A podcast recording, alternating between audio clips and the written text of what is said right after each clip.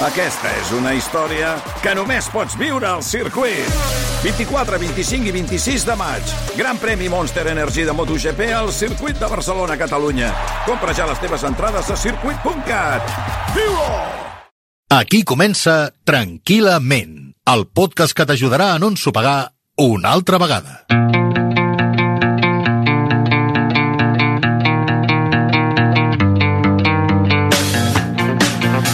Bon dia, bona tarda, bona nit. Som especialistes en voler obrir i tancar etapes. Sembla que ho necessitem i de vegades, com diria un bon tertulià, ens fem trampes al solitari.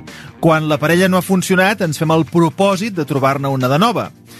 Que no estem contents amb el nostre cos? Ens fem el propòsit de posar un candau a l'armari de les Magdalenes. Que sempre arribem tard? Ens fem el propòsit de no fer-ho més mentre correm per no arribar tard a la cita. Aquests propòsits apareixen sempre en temps assenyalats. Un aniversari, un canvi d'any, quan tanquem o quan obrim una etapa... Però què passa quan el propòsit no només és una idea, sinó que ens hi aferrem amb ungles i dents? I si no el podem acomplir? I si ens plantegem alguna cosa que no acaba d'arribar? Ens pot condicionar aquest propòsit?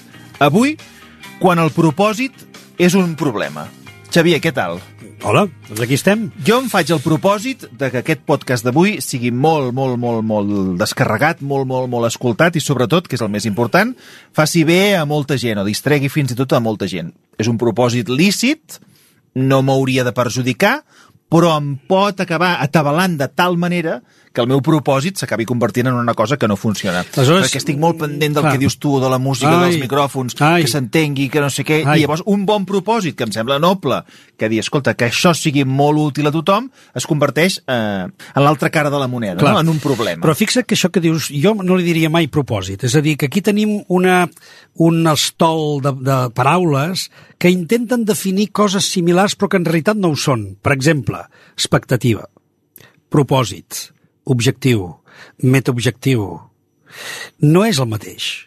Aleshores, tu aquí no estàs parlant de una altra cosa que una expectativa. Tinc una expectativa de que aquest programa l'escolti molta gent. Mm. Però el propòsit, i quan parlem d'un propòsit, eh, normalment el vinculem a quelcom que nosaltres eh, proposem a llarg termini o a, o a mig termini i que l'estructurem per tal d'assolir-lo.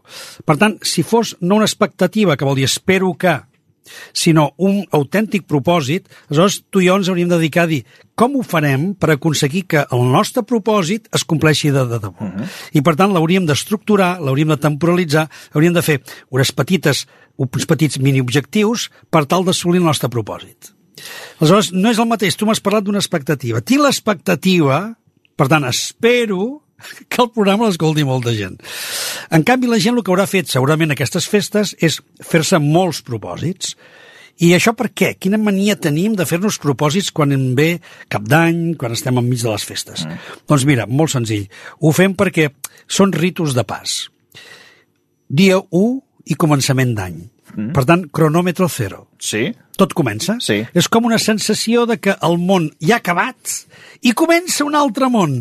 I, sí, i també és com la sensació de que les coses que hem fet malament abans, Ja no, avui ja està. màgicament desapareixeran Exacte. del tot. I llavors hem de començar de nou.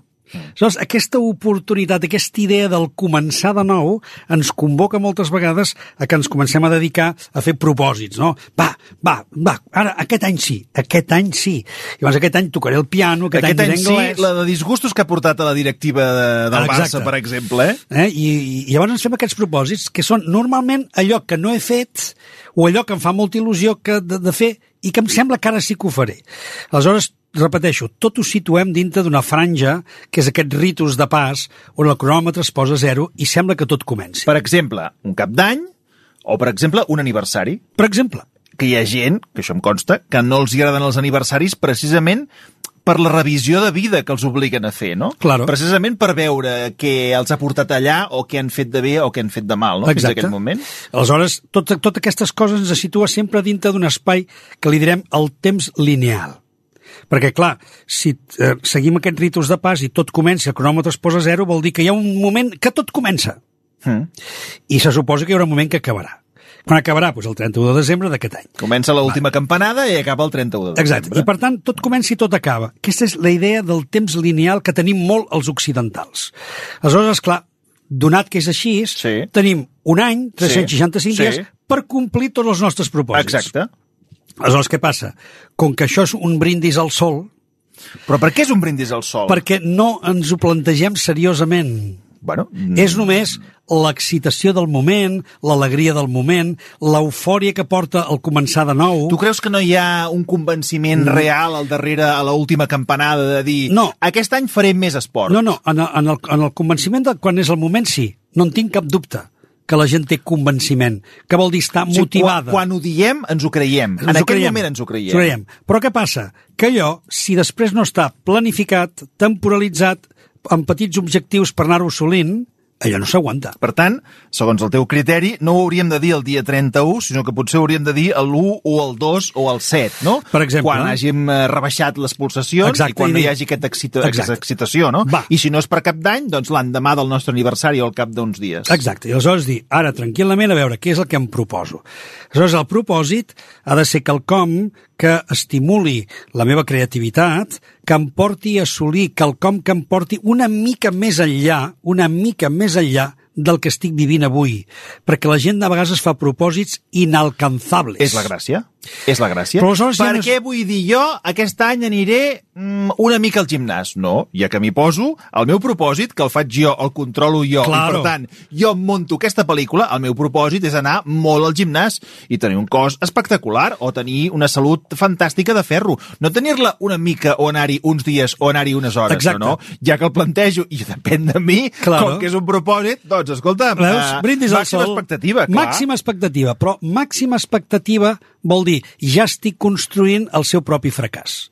Per què? Hòstia, però és que, Clar. és que això no pot ser, eh, Clar, Xavier. perquè, Marc, eh, o sigui, si és que tu- és molt depriment. No, No, podem no, no. començar d'aquesta manera. Per què ha d'anar a parar un fracàs, això? Mira. Si tinc ganes de complir-ho, tinc ganes d'anar al gimnàs, tinc ganes de fer no sé què. Sí, però és molt millor dir el propòsit, el propòsit és aquest, d'acord. Mm.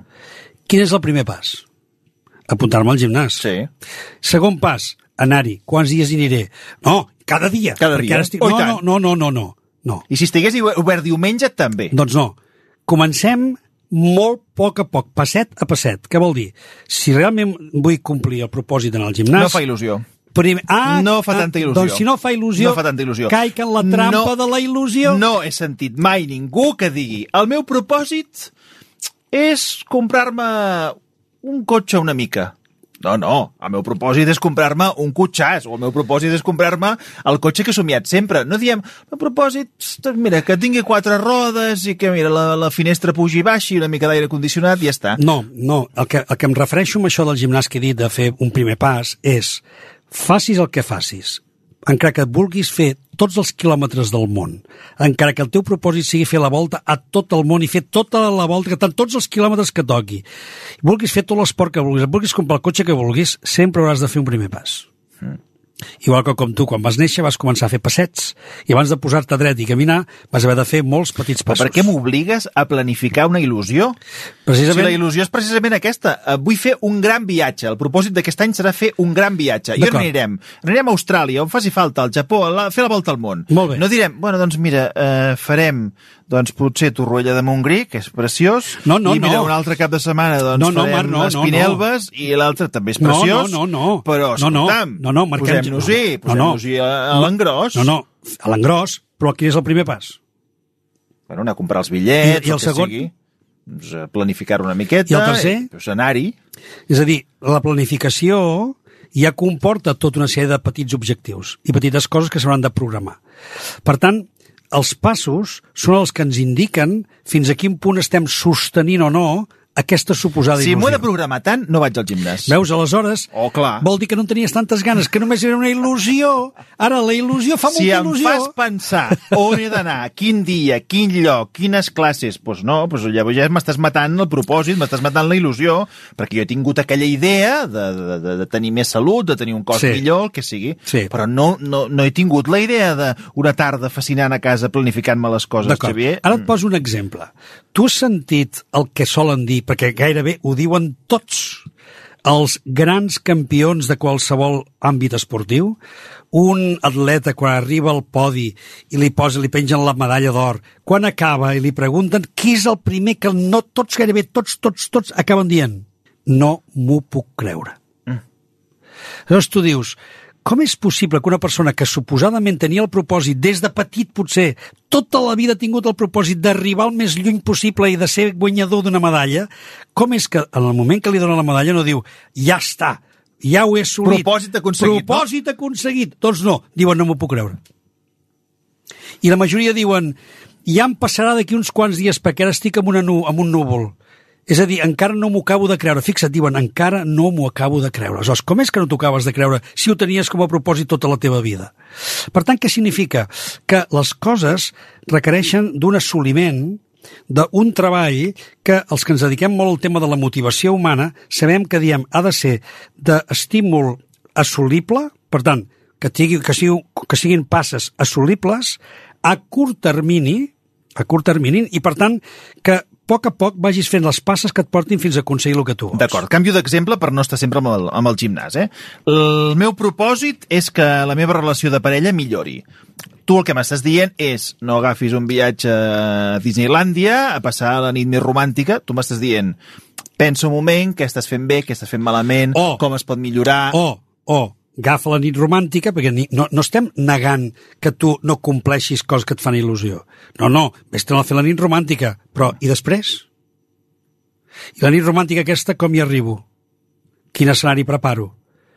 Com acordo sentir-me millor amb aquesta persona? Aleshores, aquí sempre ens donem compte de que no hi ha res que sigui plaf, no hi ha res que sigui la bombolla, no, és que tot precisa d'una na- d'una creació. Per tant, hi ha el que podríem dir-ne eh, la trampa del propòsit. La trampa al propòsit, que és el que tot, tota l'estona estàs dient, que és, és que em fa il·lusió.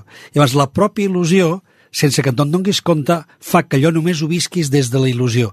Però què passa el dia que no et fa il·lusió? Has de continuar treballant pel teu propòsit. Però em puc Has fer... de continuar treballant pel teu propòsit. Has de continuar anant al gimnàs, has de continuar anant a la piscina, has de continuar fent, anar, preparant el viatge, has de continuar... I llavors, saps què passa? Saps què sabem, les persones que ens deia que ens dediquem una miqueta a tot això? Sabem que les persones, quan acaben de començar alguna cosa, tenen una primera prova de foc, que és que al poc de començar ja els hi ve un obstacle.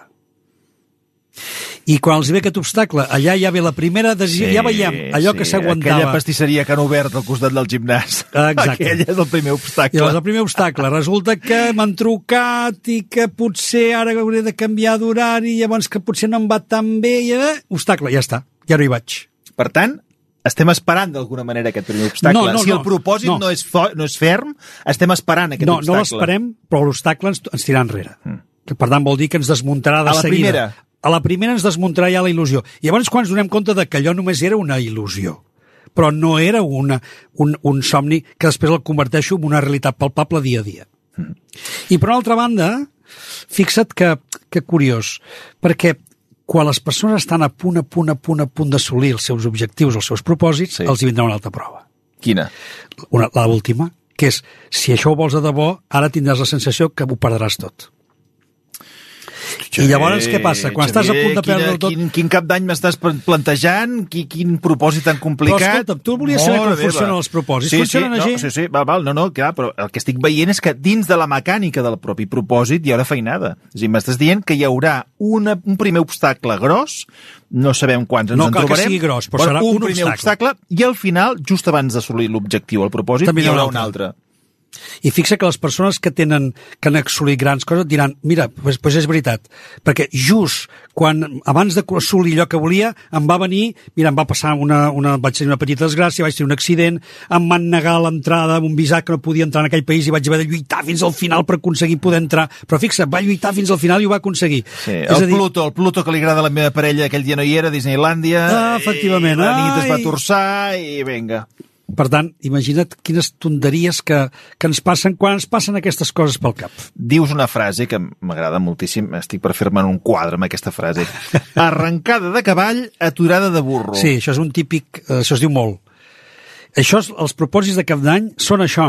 Arrencada de cavall, I per al- aturada de burro. És exacte, que és arrenquem amb molta il·lusió amb molta força, ens dura quatre dies. A la que ens ve l'obstacle, parada de burro, ja està. En el moment en què decidim aquest propòsit, per tant, ens estàs dient que no som racionals. És a dir, que ens ho creiem.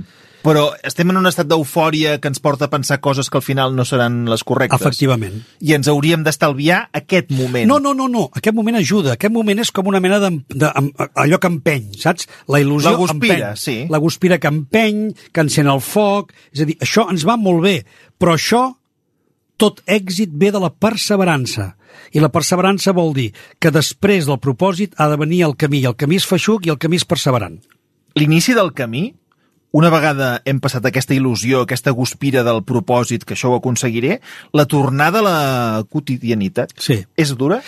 No, no, no, no, perquè tu et creus encara posseïdor d'aquesta virtut de que, que t'any tindràs el teu propòsit. Mm. El que no te n'adones és que aquesta quotidianitat et va menjant El propòsit. el propòsit i te'l va menjant de mica en mica. I arriba un moment que ja ni te'n recordes del propòsit. A mi sempre em recorda, quan expliques aquestes coses, els, els fans de Harry Potter que ens estiguin escoltant en aquest moment eh, empatitzaran amb mi, que és una, una figura del Harry Potter que crec que a nivell psicològic estaria molt bé d'analitzar-te, que són el, els Dementors. Els Dementors són uns xucladors d'energia, Sí. és a dir, són com una mena d'ànimes en pena que van amunt Sí. i avall, eh, foscos, negres, eh, perillosos, eh, violents fins i tot en algun moment, no? I quan m'expliques aquestes coses sempre me'ls imagino, és a dir, tu amb el teu propòsit, superant els teus obstacles i havent-te d'escapar en molts moments de, de, de mentors. Efectivament. Viure d'il·lusió, sí.